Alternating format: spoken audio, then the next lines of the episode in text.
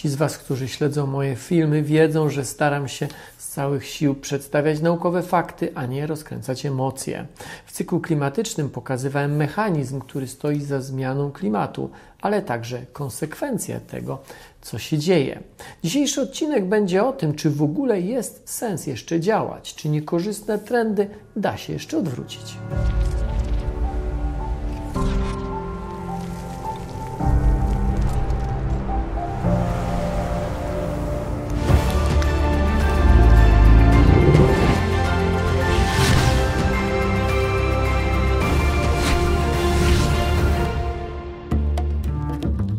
Gdy na sprężynie zawiesimy ciężarek, ten po krótkim czasie znajdzie się w stanie równowagi.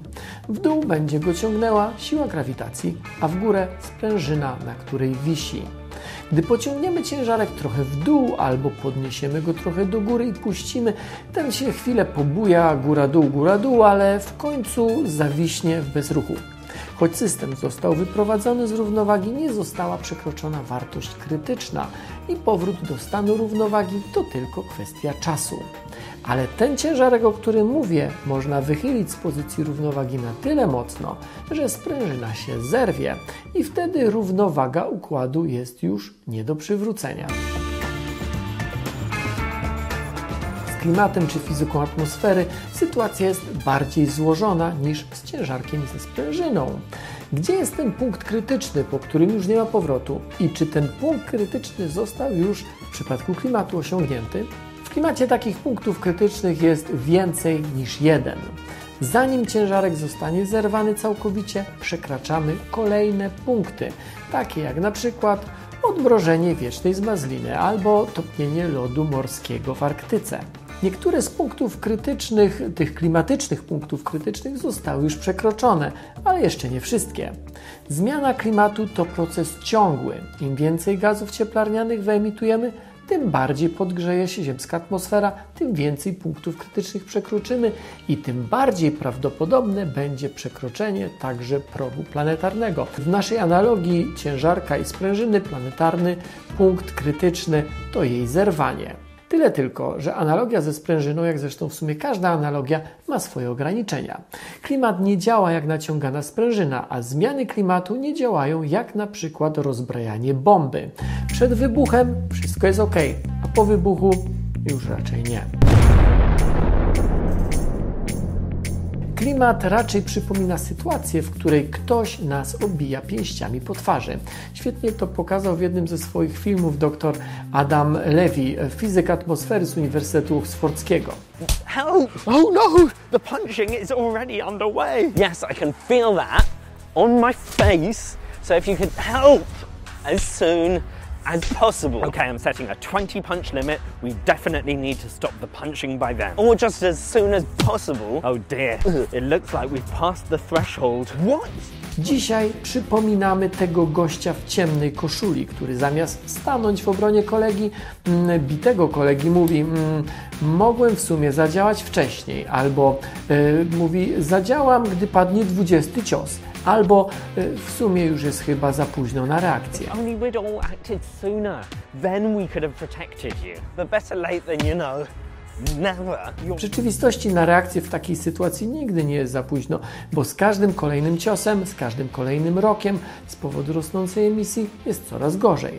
Więc zamiast stać i zastanawiać się, czy ratować kolegę, lepiej zacząć to robić od razu. Według raportu IPCC, czyli Międzynarodowego Zespołu do Spraw Zmian Klimatu, jest mało prawdopodobne, aby dotychczasowe emisje przekreślały nasze szanse na zatrzymanie zmian klimatu.